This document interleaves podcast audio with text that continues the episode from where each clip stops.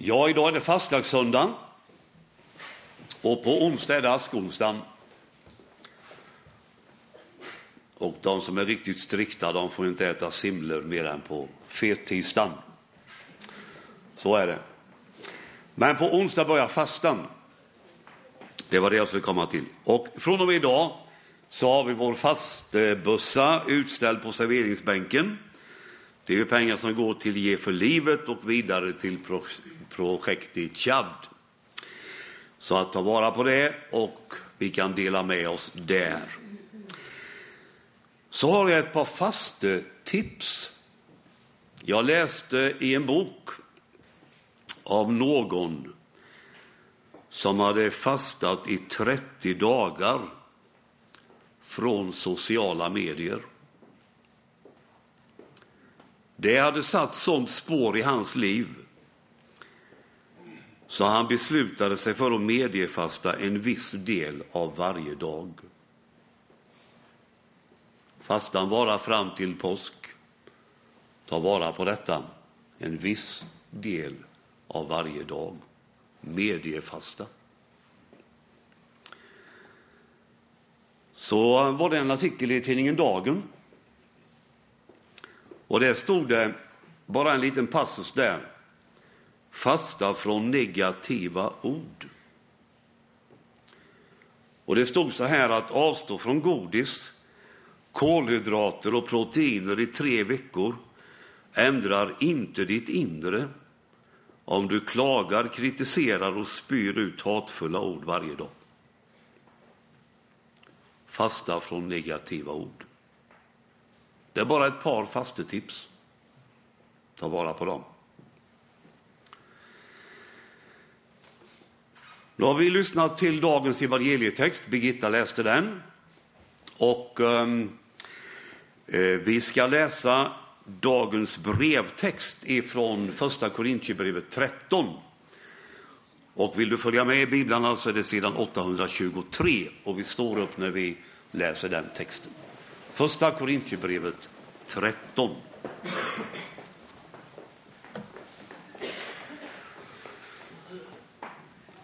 Om jag talar både människors och änglars språk, men saknar kärlek, är jag bara en ekande brons, en skrällande symbol.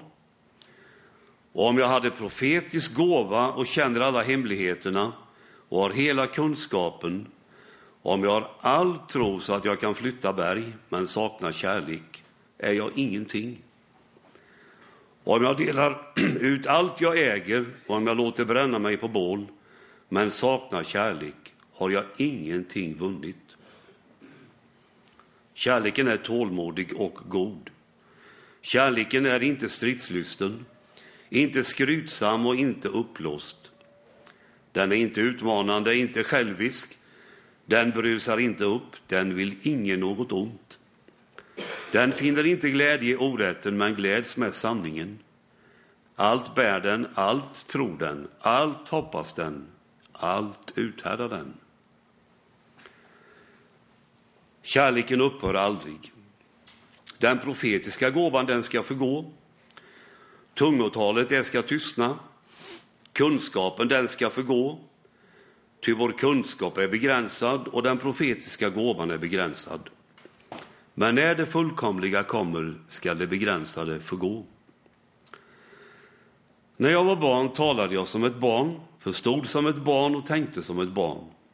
Men sedan jag blev vuxen har jag lagt bort det barnsliga. Ännu ser vi en gåtfull spegelbild. Då ska vi se ansikte mot ansikte.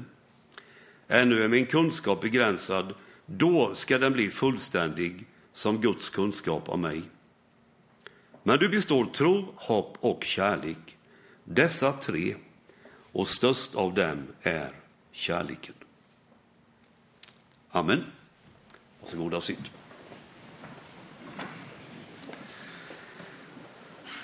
Ja, temat för gudstjänsten och ehm, som Gordon sa och den här predikan är kärlek, kärlek, kärlek. Egentligen är det så att allt i skapelsen har kommit till på grund av Guds kärlek. Allt det goda Gud slösar på oss i skapelsen, det är hans kärlek. Att vi överhuvudtaget finns till som människor har sin grund i Guds kärlek. Och i hela Bibeln kan vi se att Gud älskar oss och vill oss väl.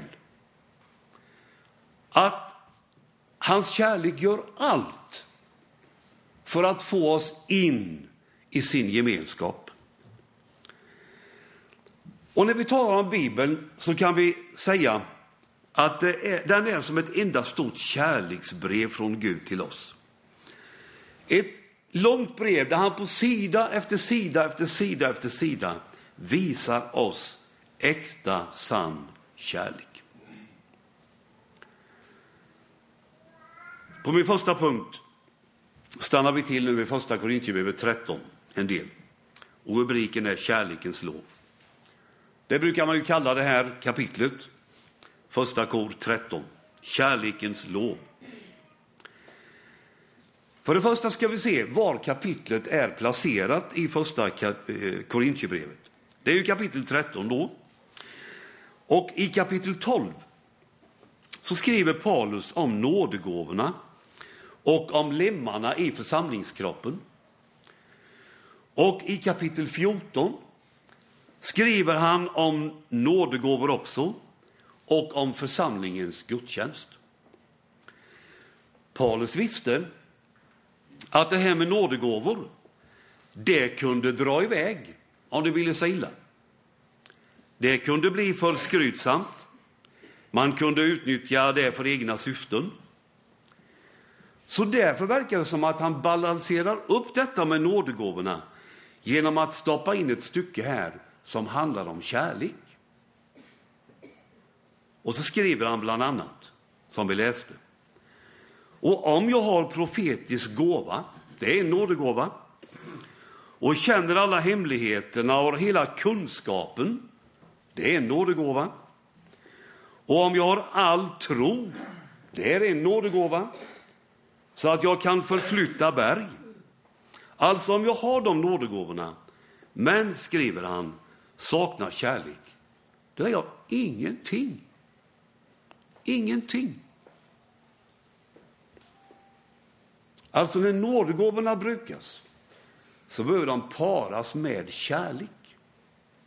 Kort sagt, allt vi gör behöver genomsyras av kärlek. Man kan nog säga så här att i grekiskan finns tre huvudord för kärlek. Det är agape, som står för den utgivande osjälviska kärleken. Och Gud framför allt har ju visat vad den formen av kärlek är. Utgivande kärlek. Det andra ordet, ett andra ord är fileon, som står för broderlig kärlek, kärlek människor emellan. Och då ska det sägas också att broderlig kärlek också kan präglas av den gudomliga utgivande kärleken. Och så har vi ordet eros, som står för den sinnliga, kroppsliga kärleken. Ordet erotik kommer därifrån till exempel. När det nu står om kärlek och vi läser om kärlek i första Korintierbrevet 13 så handlar det om den osjälviska, utgivande kärleken. Gudomlig kärlek. Guds kärlek. Så ytterst är det Guds kärlek som genom oss ska genomsyra allt vi gör. Och det är Guds kärlek, den utgivande kärleken, den äkta kärleken som är störst och som kommer att bestå. För det andra, Jesu kärlek, eller Guds kärlek om du så vill. I dagens evangelietext som, som Birgitta läste, det samlar Jesus de tolv till sig för att börja vandringen mot Jerusalem. Även om lärjungarna inte kunde ta in vad Jesus sa, så är han övertydlig med vad som kommer att hända honom. Han ska hånas, skymfas, pryglas och dödas. Det är tredje gången som Jesus är övertydlig om detta med sin död. Och om vi bara tittar i Lukas evangeliet så har han talat om det två gånger innan då, så rätt tydligt. Och båda gångerna är nionde kapitlet i Lukas evangeliet. Det verkar ju vara så här att detta med korset och att Jesus är på väg dit, att det liksom följer honom hela vägen. Det är bara någon månad sedan, sen vi delade händelsen när Jesus döps av Johannes döparen. Och då sa vi bland annat ungefär så här att den syndfrie döps med det dop som är för syndare. Där invigs Jesus till att gå den väg som leder till korset. Det är som att på något sätt redan där så läggs våran synd i hans kropp. Och därför behöver han döpas med syndares dop och så bär han synden fram till korset. Och på det sättet tar han bort världens synd. Om vi nu fortsätter att tänka de här banorna, att korset skuggar Jesu väg hela tiden, så kan vi tänka på hans första under. Det är när vinet tar slut på bröllopet i Kana. Jesu mor ber Jesus om hjälp. Och hans första svar är så här. Låt mig vara kvinnan. Min stund har inte kommit än. Och då är det så här att det här uttrycket, min stund har inte kommit än, det syftar ytterst fram mot Jesus stund på korset. För när påskveckan börjar kan vi läsa så här. Det var strax före påskhögtiden och Jesus visste att hans stund hade kommit. Hans stund hade kommit. Tänk tillbaka på bröllopet i Kana. Korset var med som en skugga hela vägen. Eller ta det nattliga samtalet med den lärde Nikodemos.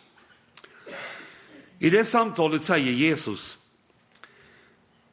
liksom Mose hängde upp ormen i öknen så måste Människosonen upphöjas. Vad talar Jesus om? Jo, han talar om korset. Korset följde Jesus som en skugga hela vägen. Och så går han dit för vår skull. Och jag tänker ibland när jag ska predika om detta och, och liksom läser om detta, tänk om man kunde få fram detta liksom. Va? Att syndens konsekvenser är så oerhörda och så djupgående så att om en förändring och en vändning skulle bli möjlig så måste det ges ett offer som täcker världens alla synder. Det är djupgående överallt liksom. Det var det offret som Jesus gav när han gav sitt liv för oss. Och vad är det som ligger bakom detta utgivande av liv? Vad är det som gör att Gud sänder sin son till oss? Vad är det som driver Jesus hela tiden? Jo, det är kärlek. Gudomlig utgivande kärlek. Och det är kärlek som har dig och mig i fokus. Lyssna nu till vad Bibeln säger. Och tänk på dig själv. Det står så här. Så älskade Gud världen att han gav den sin enda son för att de som tror på honom inte ska gå under utan ha evigt liv. Eller så uppenbarades Guds kärlek hos oss. Kolon i texten. Han sände sin enda son till världen för att vi skulle få liv genom honom. Alltså, du är älskad med en kärlek som är så stor och djup så den går inte att beskriva. För det tredje, Guds kärlek till dig personligen. Även om Guds kärlek är riktad till alla och alla är lika mycket älskade av honom, så betyder inte det att du försvinner i mängden och inte jag heller. Han ser dig och mig personligt, följer våra liv en och en. Ett tips ska du få igen. När du har din stilla stund hemma så kan du ställa en stol mitt emot där du sitter. Och så kan du välkomna Jesus att sätta sig där. Och om du välkomnar honom att sätta sig mitt emot dig så kan du vara övertygad om att han sitter där. Hos dig. Och du ensam kan säga till honom vad du har på hjärtat. Han är intresserad av dig. När du sitter mitt emot honom så ger han dig av sin kärlek. Han lyssnar på dig. Han älskar dig. När den blinde mannen vid Jeriko, som vi läste om i början, ropar på Jesus om hjälp och Jesus stannar till där hos mannen. Lägg märke till då att då är det Jesus som ställer en fråga. Och frågan lyder, vad vill du att jag ska göra för dig? Oftast är det vi som undrar och frågar vad vi ska göra för Jesus. Men nu är det Jesus som frågar dig. Vad vill du att jag ska göra för dig? Han vill ha med dig att göra. Han älskar dig och han väntar på ditt svar. Och till Jesus kan vi och får vi säga precis allt. Låt honom få veta alla era önskningar, står det i Filipperbrevet. Alla era önskningar. Lägg märke till det. Och säga sina önskningar till Jesus, det är ju faktiskt att be. Och om vi nu tänker på att vi ska säga till Jesus vad vi har på hjärtat, så behöver vi ju inte brodera ut det va? till höger och vänster och göra det så där snyggt. Nej, på vanlig svenska får vi säga så här Jesus är det i mitt liv. Detta Jesus vill jag att du ska göra för mig. Exempel på enkla vardagliga meningar som är behov och önskningar och djupast bön. Det kan vara Maria vid bröllopet i Kana för att återvända dit. Vinet tog slut. Och så säger Maria till Jesus, de har inget vin. Det är allt. Så uttrycker hon sitt behov. Det är hennes bön. Eller den blinde mannen som vi har läst om idag. Hans önskan var Herre, gör så att jag kan se igen. Det var hans behov. Det var hans raka bön. Du är älskad av Gud personligt. Hans kärlek kan inte mätas. Du är älskad över allt förnuft. Och i den här gudstjänsten så har Jesus en fråga, bara till dig. Och den frågan lyder, vad vill du att jag ska göra för dig?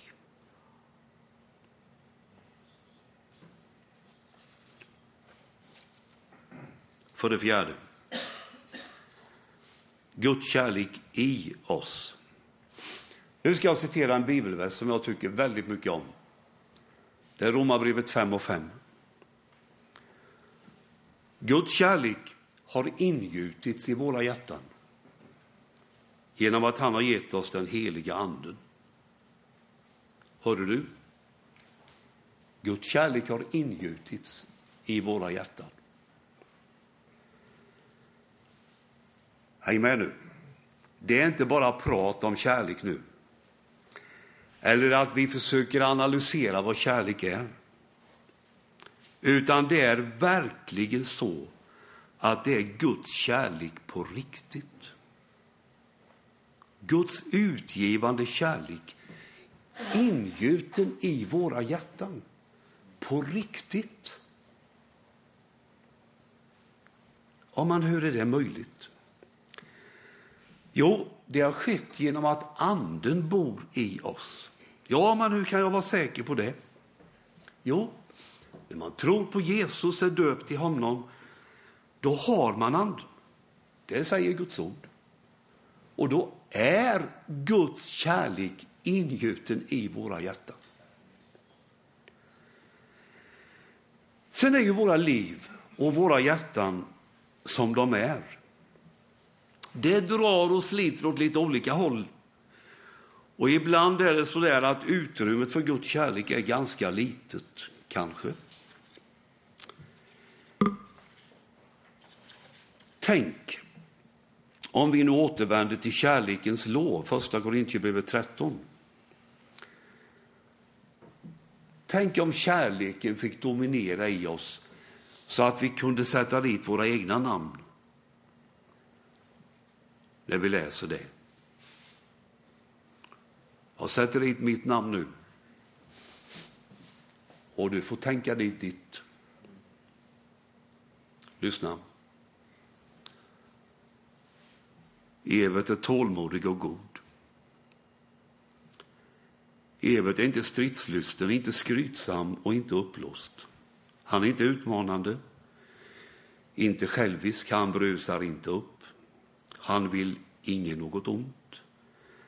Han finner inte glädje i orätten, men gläds med sanningen. Allt bär han, allt tror han, allt hoppas han, allt uthärdar han.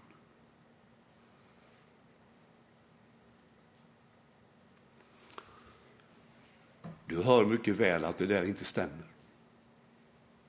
Och att det fattas en hel del för oss alla. Lyssna.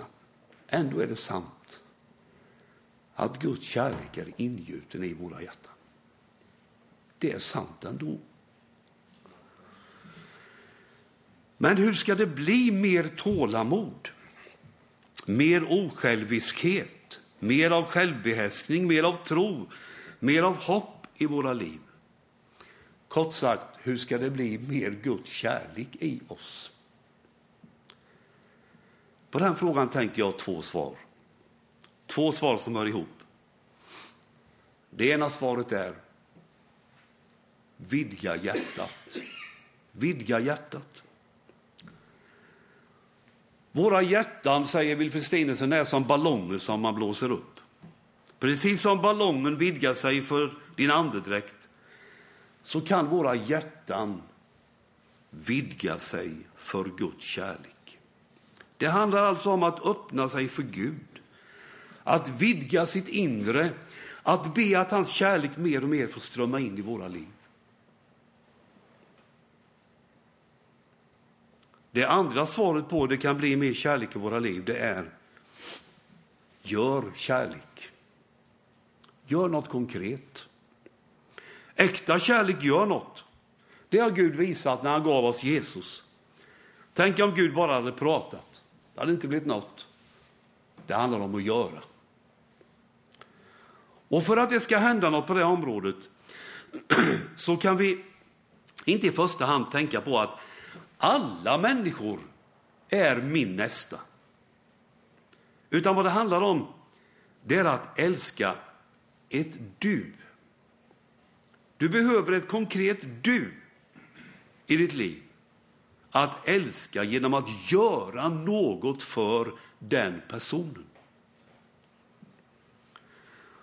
Och då handlar det inte först och främst om att fråga, som den laglärde gjorde i Lukas 10, vem är min nästa?